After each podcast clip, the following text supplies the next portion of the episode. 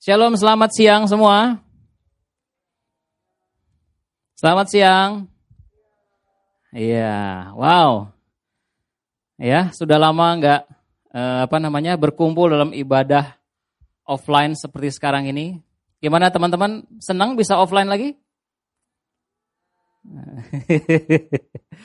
senang atau mungkin aduh ya udah senang online gitu ya ya nggak apa juga ya sekali lagi selamat datang buat setiap teman-teman. Mungkin juga ada yang baru pertama kali hadir.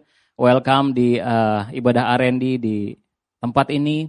Juga yang teman-teman yang masih online di mana pun kamu berada di rumah di kamar di jalan di mana pun ya. Ya saya ucapkan selamat beribadah. Ya. Ya senang sekali saya bisa dapat kesempatan untuk bisa share firman Tuhan hari ini.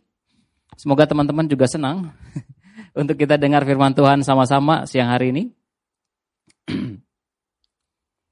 Boleh ditampilkan ke depan slide-nya. Hari ini kita masih dalam seri kapasitas murid Kristus. Ya. E, minggu lalu Kak King Sen share di tempat ini ya tentang bagaimana sebagai murid Kristus kita perlu punya yang namanya kapasitas. Ya. Kita perlu punya yang namanya kapasitas. Sebab kalau kita nggak punya kapasitas, kita nggak akan bisa ya menolong hidup orang lain. Ketika kita nggak akan punya kapasitas, kita sendiri akan sulit, kesulitan dengan urusan-urusan sendiri, ribet dengan berbagai macam hal. Akhirnya apa? Banyak jatuh, kecewa, meninggalkan Tuhan dan lain-lain dan lain-lain. Karena nggak ada kapasitas. Ya, saya teringat ketika saya naik gunung, um, satu kali itu yang pertama dan yang terakhir saya naik gunung, saya bawa apa istilahnya itu carrier Carrier itu tas, ya, tapi rupanya bisa muat sekian puluh kilo, ya. Wah, semua bisa dibawa, semua bisa dibawa. Akhirnya saya bawa dari hal yang penting sampai nggak penting, dengan pemikiran siapa tahu butuh, ya. Bawa ini, bawa itu, bawa segala macam. Siapa tahu di atas gunung butuh, ya. Bawa laptop, ya, buat apa di atas gunung, gitu. Akhirnya begitu saya naik gunung saya berasa, wow, saya nggak bisa bawa semua ini. Walaupun kapasitas tas itu besar, tapi ternyata kekuatan saya untuk bisa membawa itu nggak cukup besar. Saya pikir selama ini kapasitas saya udah hebat, udah wah. Mungkin teman-teman juga berpikir seperti itu. Wah, aku mah udah canggih kak. Ya, wah aku komser rajin, apa rajin. Wah, kerohanianku di atas rata-rata. Amin. Amin dong kayak gitu ya. Eh, tapi sering kali kita nggak sadar begitu kita jalani nggak kuat. Ya, apa-apa, ada kasih karunia. Nah, hari ini teman-teman dalam kita mau memperbesar kapasitas kita sebagai murid. Dalam kita mau terus bertumbuh dalam kapasitas kita sebagai murid.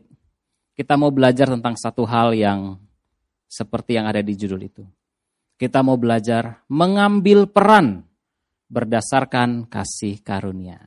Ya. Oke, kita sama-sama mau lihat ayatnya dari 1 Samuel pasal 17 ayat 32 sampai 37. Ya. Sudah ada di depan.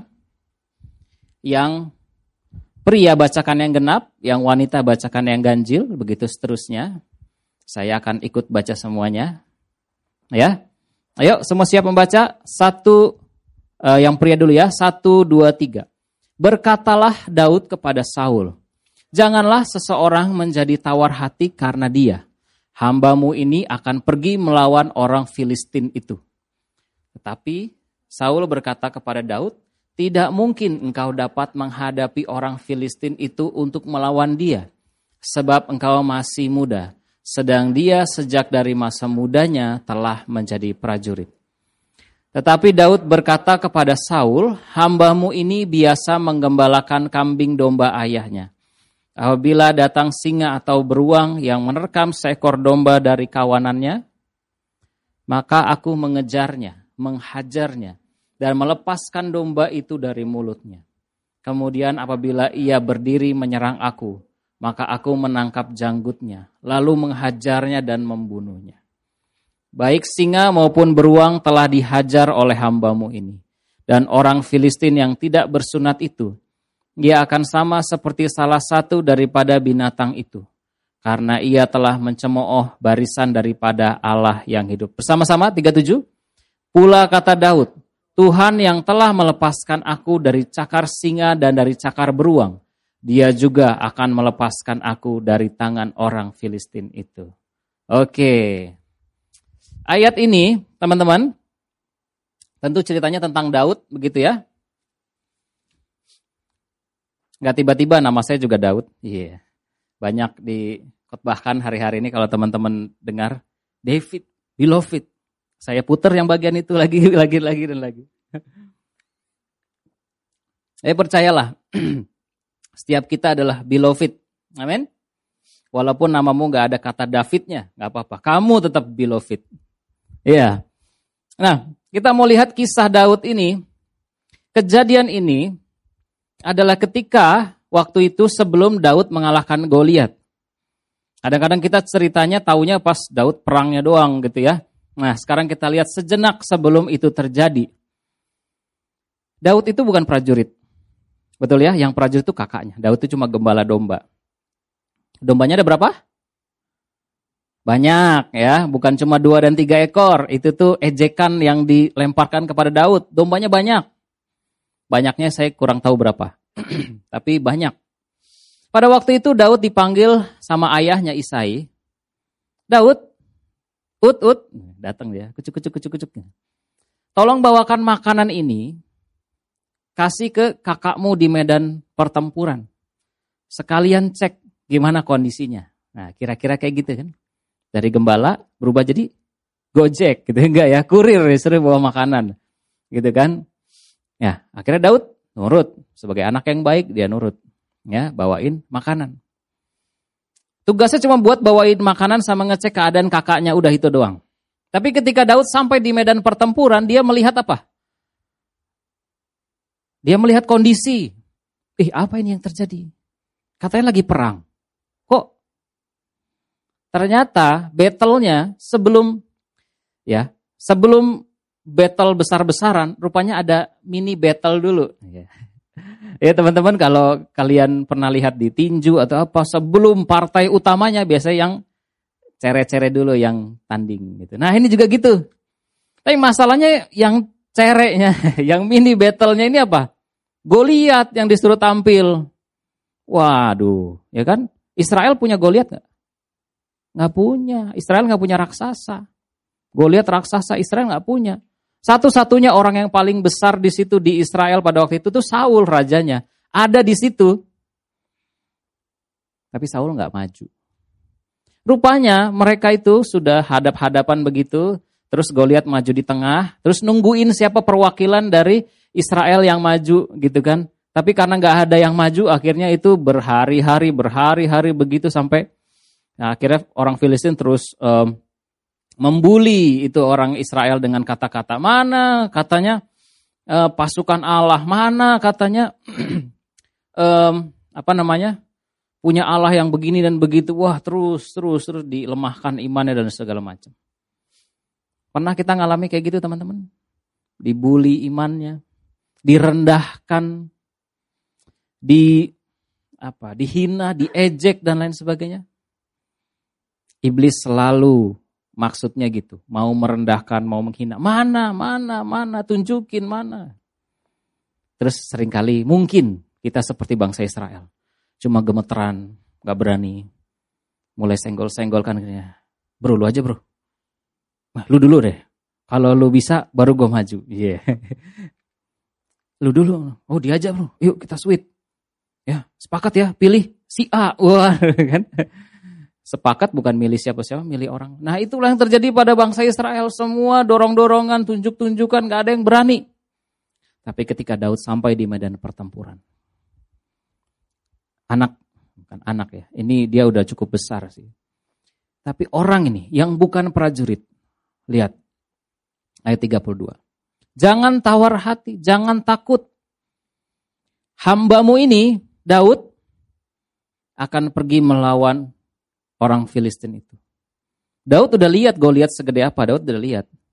Bukan dia nggak tahu lawannya kayak gimana. Pokoknya maju aja maju. Ya ternyata lawannya gede gitu. Enggak. Daud udah lihat. Nah, di sini teman-teman adalah tentang bagaimana Daud mau ambil peran. Sekalipun peran itu sebenarnya bukan peran dia, orang dia bukan prajurit, betul nggak? Dia bukan siapa-siapa, dia harusnya cuma nganter terus pulang selesai. Uh, Dedi, Dedi Isai, beres. Mereka aman, uh, makanan sampai, ya cuma mereka penuh dengan ketakutan. Dah, aku balik ya. Seringkali kan kita cuma begitu. Urusan beres, urusan selesai, bye. Nggak ada urusan lagi sama aku. Ya kan? Urusan lu sana, gitu kan? Pokoknya urusan kita begini, begini, begini. Ya, kalau ada yang nggak jelas apa, kembali ke pemuridmu. Ya, gitu kan? Kita yang ngacak-ngacak, pemurid yang suruh ngeberesin. PKS suruh ngebenerin. Kadang-kadang gitu ya. Jangan ya, jangan. Di sini Daud mau ambil peran mau ambil peran. Dan itu dia lakukan bukan karena dia sombong, sotoy, sok berani, kepo, bukan. Tapi karena dia, nah ini, nanti kita lihat alasannya. Karena dia percaya sama Tuhan. Terus ketika dia sudah mau ambil peran, apa yang terjadi di ayat 33, Saul berkata sama Daud, Bagus, good job. Akhirnya kamu yang saya tunggu-tunggu hadir. Kenapa nggak dari kemarin? Saul ngomong gitu? Enggak, ya. Lihat ayat 33, Saul berkata kepada Daud, kata pertamanya apa? Tidak mungkin. Seringkali ketika kita mau inisiatif, mau maju, mau berkembang, dunia mengatakan apa? Gak mungkin. Gak bisa. Kamu lihat diri kamu kayak gimana. Ngaca bro, ngaca sis. Orang kaya lu mau begini, begini, begini. Nah, kan? Ya, ternyata model-model merendahkan orang seperti itu dari zaman dulu. Saul malah merendahkan Daud. Tidak mungkin kau Daud menghadapi orang Filistin itu. Pakai perbandingan pula. Engkau masih muda. Bukan prajurit. Dia udah prajurit dari masa muda. Terbalik kan? Kamu masih muda belum prajurit. Dia dari muda udah prajurit. Enggak mungkin. Ini yang kemarin ya uh, Kak Kingsen um, sebutkan tentang apa? Grace conscious, law conscious. Belum apa-apa aturan, belum apa-apa perbandingan, belum apa-apa um, dinilai. Nah, gitu kan? Tapi apakah Daud take personal penilaian dan perkataan Saul? Enggak. Luar biasa. Pemimpin ini, si raja ini, walaupun tidak ya menganggap remeh apa, Daud tetap Lihat ujungnya di ayat 37. Daud berkata, Tuhan telah melepaskan aku dari cakar singa dan dari cakar beruang. Dia juga akan melepaskan aku dari tangan orang Filistin itu. Daud percaya ada kasih karunia. Daud nggak melihat, tenang bos, bos Saul, aku udah latihan. aku udah hebat. Enggak, dia enggak bilang gitu. Dia bilang apa? Tuhan yang telah menyertai aku selama ini, Tuhan juga akan menyertai aku melawan yang satu ini. Percayakah itu juga kata-kata buat kita teman-teman? Tuhan yang telah menyertaimu selama ini, Tuhan juga yang akan menyertaimu untuk seterusnya. Tuhan yang telah ya menempatkan kamu di tengah kebersamaan. Tuhan juga yang akan terus menyertaimu. Tuhan yang sudah menyertaimu sampai melewati berbagai kondisi nggak ideal sampai hari ini. Dia juga yang akan terus menyertai kamu sampai kesudahannya. Dia bukan Allah yang PHP, sekarang diajak jalan terus besok ditinggalin. Dia bukan penyertaannya terbatas. Sorry ya, graceku ada limitnya. Dan ini udah habis kamu perlu top up lagi. Nanti limitnya naik lagi gitu kan, kayak pulsa, kayak apa gitu. Enggak. Grace-nya limitless. Kita perlu tangkap kasih karunia-Nya yang sebesar itu. Amin.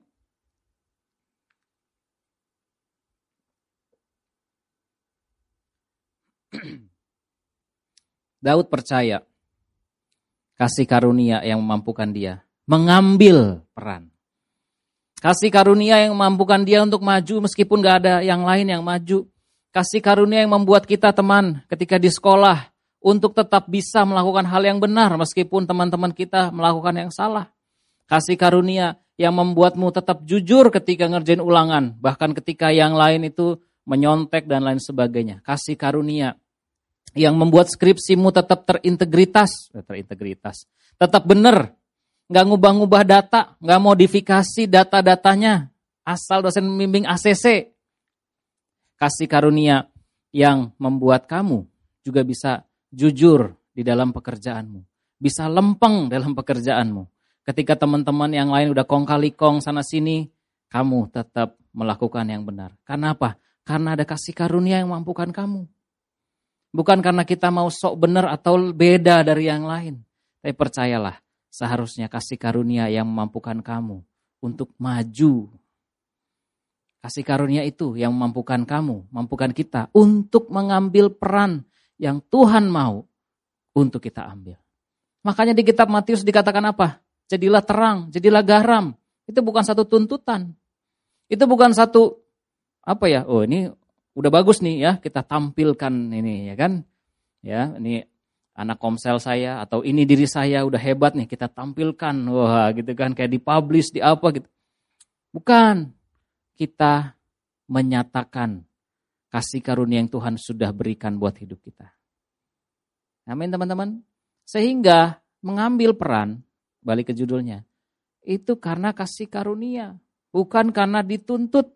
Mungkin ada yang melihat judul ini, wah ini arah-arahnya habis ini nih ya disuruh pelayanan nih. Arah-arahnya habis ini mengambil peran, waduh tugas banyak nih, to do list nih. Aduh kan, Kak David lagi yang ngomong nih kan, aduh kerjaan semua isinya nih. Enggak. Kasih karunia memampukan kita untuk mengambil peranan. Nah, lihat lagi 2 Petrus 3 ayat 18. kita baca sama-sama 1 2 3. Tetapi bertumbuhlah dalam kasih karunia dan dalam pengenalan akan Tuhan dan juru selamat kita Yesus Kristus. Baginya kemuliaan sekarang dan sampai selama-lamanya. Kasih karunia memampukan kita untuk bertumbuh. Kasih karunia nggak akan membuat kita stuck di situ-situ aja. Kasih karunia yang memampukan kita untuk ya naik level. Tapi level yang dimaksud bukan karena pencapaian atau apa pun. Tapi yang dimaksud adalah bagaimana kita bertumbuh. Kalau itu pohon, ya kan? Ya memang gambar pohon begitu. Dia tumbuh di atas tanah, betul ya? Tanah Tanah itu mengandung semua unsur dan semua hal-hal yang dibutuhkan untuk pohon itu tumbuh dan berbuah. Betul kan? Sebetulnya untuk tanaman-tanaman tertentu dan hampir semua tanaman saya percaya cuma butuh tanah dan air. Yang di bumi ini sudah disediakan, gak butuh terlalu banyak tambahan pupuk ini, pupuk itu, ah, segala macam. Yang penting tanah dan air, dah selesai. Tanahnya bagus, ada air, nah jadilah dia tumbuh dengan subur. Nah, yang dimaksud dengan tanah itu seolah-olah apa? Kasih karunia. Bertumbuhlah dalam kasih karunia. Bertumbuhlah dalam ya kasih karunia. Kasih karunia memampukan kamu untuk bertumbuh. Saya ini sekian lama menjadi orang yang banyak tertuntut dan banyak menuntut. Dulu, waduh banyak sekali kuat-kuat, moto-moto yang saya masukkan ke dalam diri saya. Yang saya pikir, wah ini bagus. Pilih-pilih kan, us ini ambil. Wah ini cocok. Ini aduh kayaknya bukan gua. Singkirin. Lihat kan kalau di ya dulu zamannya Facebook, wah kan banyak quote dan sebagainya. Belum tentu benar, teman. Kadang itu berasal dari orang-orang sakit hati yang nulis itu. Kadang itu berasal dari orang-orang tertentu, aliran-aliran tertentu, nggak semuanya benar. Ambil firman Tuhan, itu udah yang paling benar. Ya kan?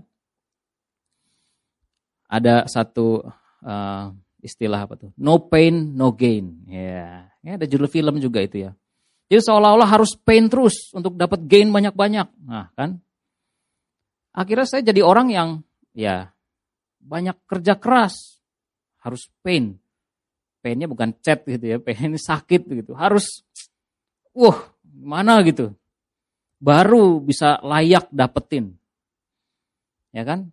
Akhirnya banyak apa? Menyakiti diri sendiri, banyak kerja over dari waktu, over dari ini, maksa. Demi apa? Demi gain. Nah, kadang-kadang gainnya nggak seberapa, painnya kebanyakan. Ada yang ngalamin kayak gitu? Nggak ada yang pain di sini. Wah, luar biasa. Bagus. Tapi saya banyak bertumbuh dengan cara seperti itu, memaksa, menuntut diri. Ya orang yang banyak menuntut diri akhirnya banyak menuntut orang lain. Ya kan? Banyak menuntut ke sana kemari karena namanya orang sakit ya Pasti begitu, ya Pak. Kena ke sana sini, kan dirinya nggak sembuh ya menyakiti yang lain. Banyak seperti itu. Saya bertumbuh bukan dalam kasih karunia. Saya bertumbuh dalam tuntutan dan paksaan dan cara kerja saya dan ya seperti itu. Dan ternyata banyak orang model saya juga di dunia ini. Semoga tidak ada di sini. Tapi kalau ada, ya bertobatlah sama-sama teman-teman. Karena kalau kita bertumbuh seperti itu, bertumbuh dalam tuntutan, bertumbuh dalam kekerasan, bertumbuh dalam kekuatan jiwa, suatu hari kita akan capek dan runtuh sendiri. Pertumbuhan kita nggak akan mencapai seperti apa yang Tuhan Yesus maksudkan. Bertumbuhlah dalam kasih karunia. 2 Timotius 2 ayat 1 sama-sama 1 2 3. Sebab itu, hai anakku, jadilah kuat oleh kasih karunia dalam Kristus Yesus. Kasih karunia memampukan kita jadi kuat Kasih karunia memampukan kita jadi punya kekuatan. Bahkan kekuatan yang lebih jauh daripada kekuatan yang selama ini kita kira kita cuma bisa segitu. Kasih karunia memampukan kita untuk bahkan extend dari kekuatan yang selama ini kayaknya batas gue cuma di titik ini. Tapi kasih karunia memampukan kamu untuk jauh lebih dari situ. Ya. Jadilah kuat oleh kasih karunia. nah, dalam rangka oh mana nih? Apa yang membuat kita sulit ambil peran hari-hari ini? Nah, gampang nggak kita mengambil peran hari-hari ini? Saya mencerna ya orang-orang muda biasanya sulit ambil peran karena beberapa hal ini. Nah ini merasa perannya nggak sesuai merasa perannya terlalu tinggi atau perannya terlalu rendah, terlalu sulit atau terlalu mudah. Ya, teman-teman tahu ya di sini maksudnya peran ya, bukan kita lagi main drama gitu ya. Aku perannya papa, kamu mama, kamu anak gitu bukan ya. Ya, walaupun mungkin banyak yang hidupnya penuh drama, please dibuang, oke? Okay? Drama apa pun itu, drama romantis, drama komedi, buang. Ya, kita bukan main drama. Kita hidup dalam ya kehidupan yang benar, peran yang kita ambil bukan peran sandiwara atau acting, ya. Aku tahu peranku kak. Kalau di Komsel aku duduk banis, jadi anak baik, ya. Kakak PKS ngomong apa, aku ngangguk-ngangguk aja. Pokoknya ngerti nggak ngerti ngangguk aja kak. Asal PKS senyum, aman aku nggak bakal ditanyain. Kalau aku ngantuk atau aku sambil lihat HP, ah, minggu besok aku disuruh sharing pertama kak. Ada yang kayak gitu? Ya, bukan itu peran yang dimaksud. Karena banyak anak-anak baik, tapi dalamnya panas dan penuh pemberontakan. Banyak anak-anak baik, tapi pengennya segera keluar dari rumah. Waduh, kenapa? Karena berasa nggak bebas dalam rumah. Waduh kan. Di luarnya baik-baik, di dalamnya Iya, penuh dengan berbagai macam hal. Itu salah. Kita mau coba tampilkan di luar, di dalamnya, ya berantakan. Jangan. Peran yang dimaksud itu, nah ini nanti kita lihat. Kenapa kita sulit ambil peran? Karena merasa mungkin susah atau mudah. Pilih-pilih, picky, ya kan? Terus apa membuat kita sulit ambil peran? Malas.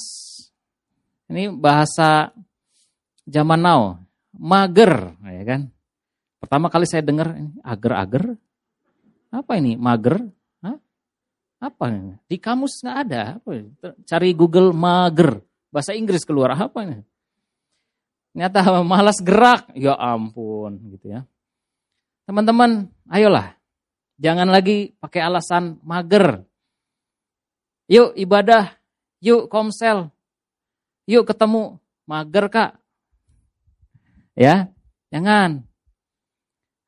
Ya, ini itu belum itu bahkan belum peran, tapi baru diajakin. Jangan mager. Cobalah untuk ikut, cobalah untuk join. Sebenarnya kemalasan itu apa? Sebenarnya kenyamanan kan. Awal dari kenyamanan, kenyamanan terlalu tinggi dan sebagainya sehingga dia nggak mau keluar dari kenyamanannya. Nah, nyaman nggak akan buat kita ke mana-mana teman. Terus apa lagi? Yang membuat kita sulit ambil peran apa? Kita merasa nggak mampu, merasa dituntut. Nah, merasa waduh disuruh sharing, wah kakak PKS ini gimana sih? Masa aku terus, aku terus gitu kan?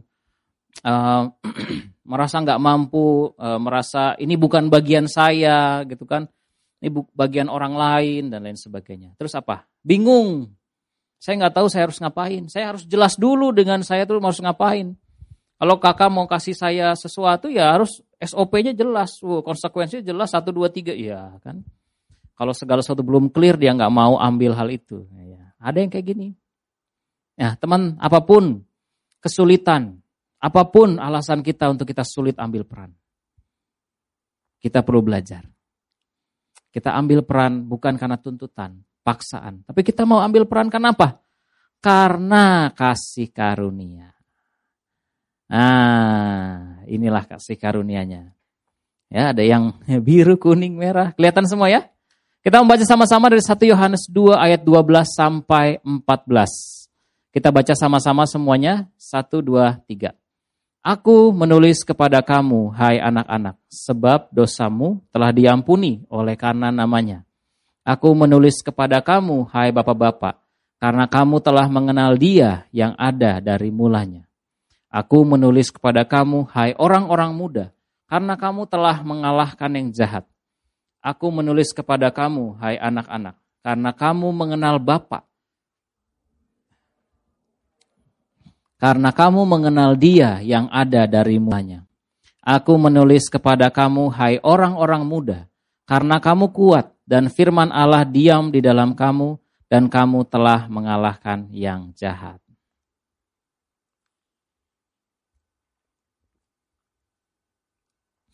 Ya. Teman-teman lihat yang warna biru, yang warna merah, yang warna kuning. Itu sebenarnya cuma penanda aja yang biru itu apa? Anak, anak-anak, merah bapak, kuning orang muda.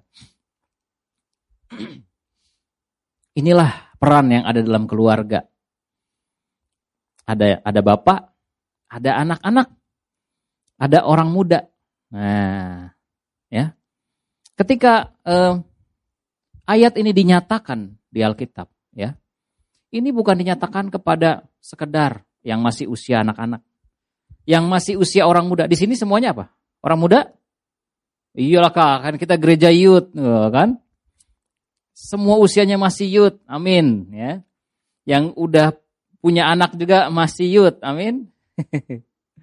ya, tapi Ayat ini dinyatakan bukan kepada sekedar ya anak-anak atau orang muda atau bapak-bapak secara usia, tapi lebih lagi ini adalah satu fase kerohanian. Bukan sekedar fase usia, bukan. Ini adalah tentang kerohanian. Nah, lihat. Jadi walaupun di dalam jemaat, di dalam sini yang rata-rata youth, anak muda, tapi kita lihat apakah fase kita itu betul orang muda atau yang lain. Tuhan mau kita ambil peran sesuai dengan fase kedewasaan kerohanian kita. Tuhan mau kita ambil peran bukan yang tinggi atau yang gimana, tapi kita perlu tahu kita yang mana. Supaya kita jelas dan supaya kita bisa ngerti, oh iya, saya di situ, saya itu dan lain sebagainya. Karena banyak orang yang mungkin merasa dirinya udah ready, tapi ternyata apa? Banyak luka. Ternyata masih anak-anak. Nah, kita lihat seperti apa. Satu, peran sebagai anak-anak. Di situ dikatakan apa? Aku menulis kepada kamu, hai anak-anak, dosamu telah diampuni oleh karena namanya. Dan aku berkata kepada kamu, karena kamu mengenal Bapak. Saya tambahkan dari Ibrani 5 ayat 12 sampai 13. Kamu masih memerlukan susu, bukan makanan keras. Sebab barang siapa masih memerlukan susu, ia tidak memahami ajaran tentang kebenaran. Sebab ia adalah anak kecil. Lihat, anak-anak. Anak-anak yang dimaksud apa? Adalah orang yang baru berjalan dalam pengenalan akan Bapak.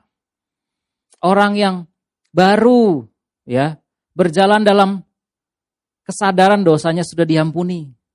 Kadang-kadang model seperti ini, model lagi ya, fase ini, peran ini di Komsel itu banyak cerita tentang jatuh bangun dosa, ya kan? Struggle dengan dosa tertentu, keterikatan tertentu, ya. Teman, aku sed tidak sedang mengkritik. Gak apa-apa cerita tentang dosamu, akui dosamu. Gak apa-apa, itu hal baik. Ya kan? Anak-anak, bagiannya apa kalau di rumah? Bagian anak-anak di rumah ngapain? Cuci piring? Bayar tagihan listrik? Hah? Bayar cicilan rumah? apa bagian anak-anak? Ada bagiannya kan? Anak-anak perlu menjadi anak yang baik. Nah, gampangnya kayak gitu. Dengar-dengaran sama orang tuanya, dengar-dengaran sama bapak. Anak-anak perlu ya um, makan yang baik, bertumbuh dewasa itu bagiannya anak-anak. Nah teman, makanya ketika di komsel, kamu mungkin dikasih tahu, ayo dengerin link ya, teman-teman, ayo uh, baca ayat ini ya. Nah itu, kalau kita belum bisa terus melakukannya, kalau kita masih terus disodorin, disodorin, bahkan kadang-kadang udah disodorin juga nggak baca. Nah, jangan-jangan, sorry to say, mungkin kita masih anak-anak. Karena apa? Masih memerlukan susu, makanan yang lembut. Susu kan nggak perlu diserna gimana, cuma ditelan, ditelan, ditelan. Masih perlu disuapin. Itu anak-anak. Masih perlu terus diingetin, belum bisa baca sendiri, belum bisa nyari sendiri, belum bisa dengan inisiatif untuk dia mencari kebenaran firman Tuhan artinya makan sendiri. Itulah anak-anak. Kalau kita sadar, oh iya itu kayaknya aku kak. Ya nggak apa-apa. Kamu tidak sedang direndahkan dengan kata-kata ini teman. Enggak. Tapi artinya di situ kita jadi tahu, oh berarti ya aku perlu bertumbuh aja. Karena baik anak-anak, orang muda, bapak, ia perlu terus bertumbuh. Orang dewasa juga perlu bertumbuh. Nah, justru kan di sini kita tahu, oh iya, peran saya sebagai anak. Ada kasih karunia juga sebagai anak karena dia banyak diberi ruang. Yang namanya anak-anak banyak main. Ya, tapi ya kalau terlalu banyak main, main terus ya akhirnya dia ditegur. Ya. Diarahkan. Hari-hari ini saya melihat orang-orang diarahin tapi nangkepnya dimarahin. Nah, gitu kan? Sebenarnya kita lagi arahin, tapi dia nangkapnya dimarahin. Seolah-olah kalau setuju sama saya harusnya oke-oke aja. Kalau nggak setuju, eh kalau kita ngomong yang lain berarti nggak setuju. Nah, padahal teman nggak ada maksud seperti itu. Ketika kita diberi arahan, itu sebenarnya diberi tuntunan. Itu sebenarnya diberi kasih.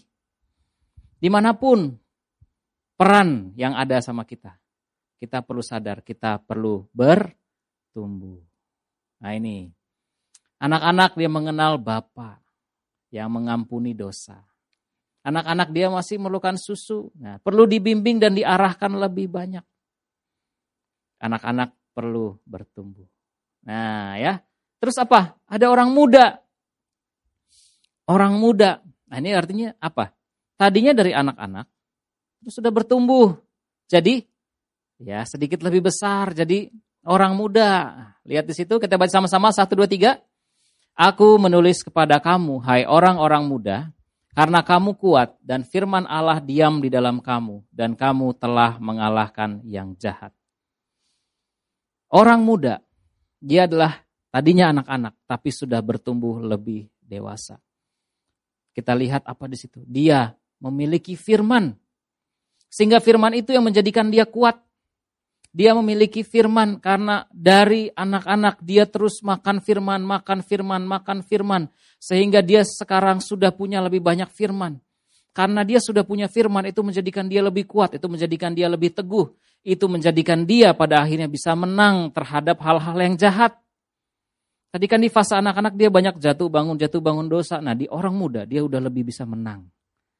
Ya kan? Bukan karena kekuatan dirinya, tapi karena kasih karunia. Dari mana? Dari firman. Makanya kamu telah mengalahkan yang jahat. Itu apa? Yohanes 8 ayat 32. Kebenaran memerdekakan.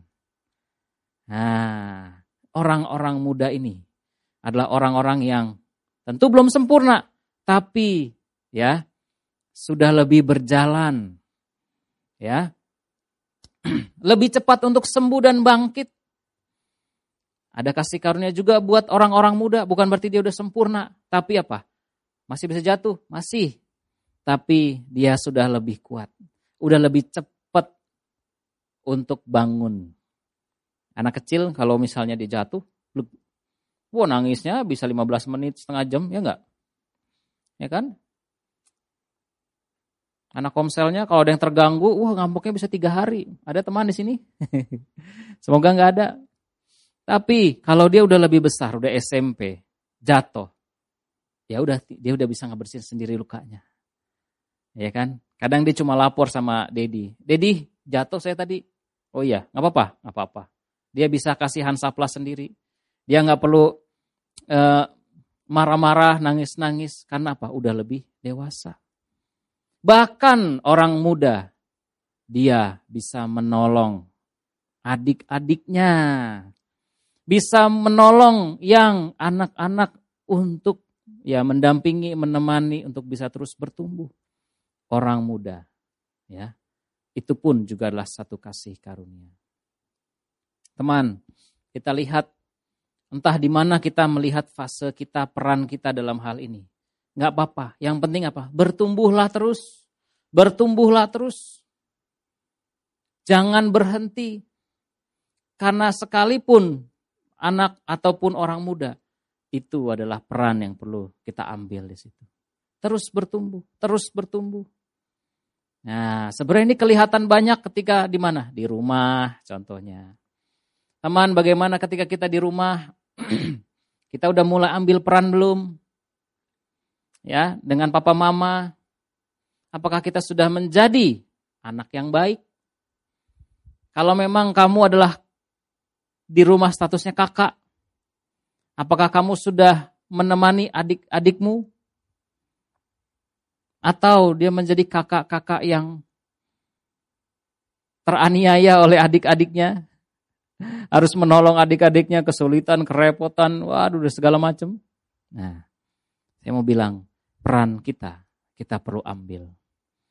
Di rumah bagaimana kita? Ya, contoh simpelnya, kamarmu gimana? Tanggung jawabmu sehari-hari gimana? Apakah kita bantu orang tua? Apakah kita melakukan peran kita sebagai, nah ini, siswa, melakukan peran kita sebagai mahasiswa, orang kerja, dan lain sebagainya. Kalau dalam hal-hal seperti itu aja kita lalai, bagaimana kita bisa ambil peran lebih dalam hidup kita? Nah, ya. Nah, selanjutnya apa? Peran sebagai orang dewasa, bapak. Nah, ini. Yang dimaksudnya bukan bapak-bapak, ya. Aku menulis kepada kamu, hai bapak-bapak, karena kamu mengenal dia yang ada dari mulanya. Ibrani 5 ayat 14, sama-sama, 1, 2, 3. Tetapi makanan keras adalah untuk orang-orang dewasa, yang karena mempunyai panca indera yang terlatih untuk membedakan yang baik daripada yang jahat orang dewasa. Dia orang yang sudah memiliki pengenalan akan Bapa di surga. Ya. Mengenal dia yang ada dari mulanya. Yang dimaksud ini bukan orang-orang yang memang dari mulanya, begitu ya. Ya mungkin di tengah-tengah kita ada orang-orang yang dari awal sudah ada di sini, ya. Ini bukan bicara soal senioritas. Kak, aku waktu peletakan batu pertama di Jasmine, aku ada. Wis, dari sejak aku di kandungan aku udah di sini kak. Waduh kan. Bagus ya. Bayi-bayi juga sudah mulai datang ke youth ini ya. Tapi bukan berarti itu yang dari mulanya itu tuh yang dari mulanya bukan ya. Ini bukan tentang senioritas sekali lagi teman-teman. Atau ini maksudkan bapak itu, nah itu tuh kak. Emang yang sudah lama di sini sudah jadi bapak-bapak, wajarlah disebut bapak dia. Bukan secara usia, tapi ini kedewasaan. Orang dewasa, dia juga bisa jadi dewasa kenapa? Karena dia sudah sudah melalui fase anak-anak, orang muda dan sekarang terus bertumbuh. Sehingga dia bisa ya terlatih karena udah banyak firman yang dia masukkan ke dalam hidupnya sehingga dia terus terlatih dan dia bertumbuh. Akhirnya dia terus dapat pengenalan yang benar dan dia mampu mulai membedakan mana yang baik dan yang jahat, mana yang benar dan mana yang salah. Bukan cuma sekedar dia menjawab boleh dan gak boleh yang mungkin sering kali kita tanyakan ke PKS. Ini boleh gak kak jadinya? Begini boleh gak kak jadinya? Nah kan sering kali itu pertanyaan kita. Maaf, pertanyaan anak-anak. Boleh gak boleh? Tapi orang dewasa sudah memiliki pengenalan. Sehingga dia tahu itu bukan boleh atau gak boleh. Tapi dia tahu mana yang benar, mana yang salah. Dan dia bisa melihat lebih dalam kepada motivasi dari sekedar boleh gak boleh. Ketika teman kamu diarahkan oleh orang yang lebih dewasa Ikutin. Arahan itu adalah kasih karunia buat kamu. Arahan itu bukan satu apa namanya ya, kayak kewajiban, patokan. Kalau kamu melanggar kamu akan di ini di ini bukan. Tapi itulah kasih karunia untuk kamu melalui jalan yang lebih mudah, yang benar dan lain sebagainya. Karena orang dewasa sudah pernah melalui jalan itu. Ya. Orang dewasa inilah yang punya kapasitas ya lebih besar sebagai bapak. Dia mulai bisa menaungi, menampung, mengequip banyak orang. Dan saya hari-hari ini melihat di tempat ini, teman, usianya mungkin masih 20-an, tapi dia sudah bisa menemani orang-orang lain. Usianya mungkin ya baru lulus kuliah, tapi ya dia sudah banyak ngalamin Tuhan dalam hidupnya. Itu luar biasa sekali. Intinya, kita perlu terus bertumbuh dan terus bertumbuh. Sehingga kita bisa ambil peran sesuai dengan fase kedewasaan kita masing-masing. Ini adalah sesuatu yang natural, bukan dipaksakan. Anak-anak nggak perlu cepat-cepat jadi dewasa, nggak perlu bertumbuhlah, bertumbuhlah dan terus bertumbuhlah. Orang muda juga ya, ada kasih karunia untuk kamu terus bertumbuh. Ya, apa yang membuat kita bertumbuh? Balik lagi tadi. Kasih karunia dari ayat tadi ini. Apa yang membuat kita bertumbuh? Kasih karunia. Terus nyatakan kasih karunia dalam hidupmu, maka itu akan membuat kamu jadi dewasa. Terus nyatakan kasih karunia dalam hidupmu, maka itu akan membuat kamu bertumbuh.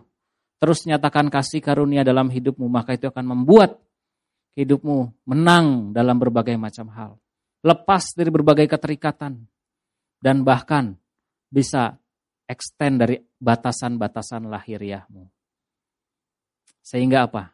Nah ini, ketika kita sudah mencapai kedewasaan, lihat, kita bisa melapangkan, nah ini, kemah untuk menampung orang-orang, ya, menampung bangsa-bangsa. Saya tambahkan dari Yesaya 60 ayat 1 sampai 4. Kita baca sama-sama, 1, 2, 3.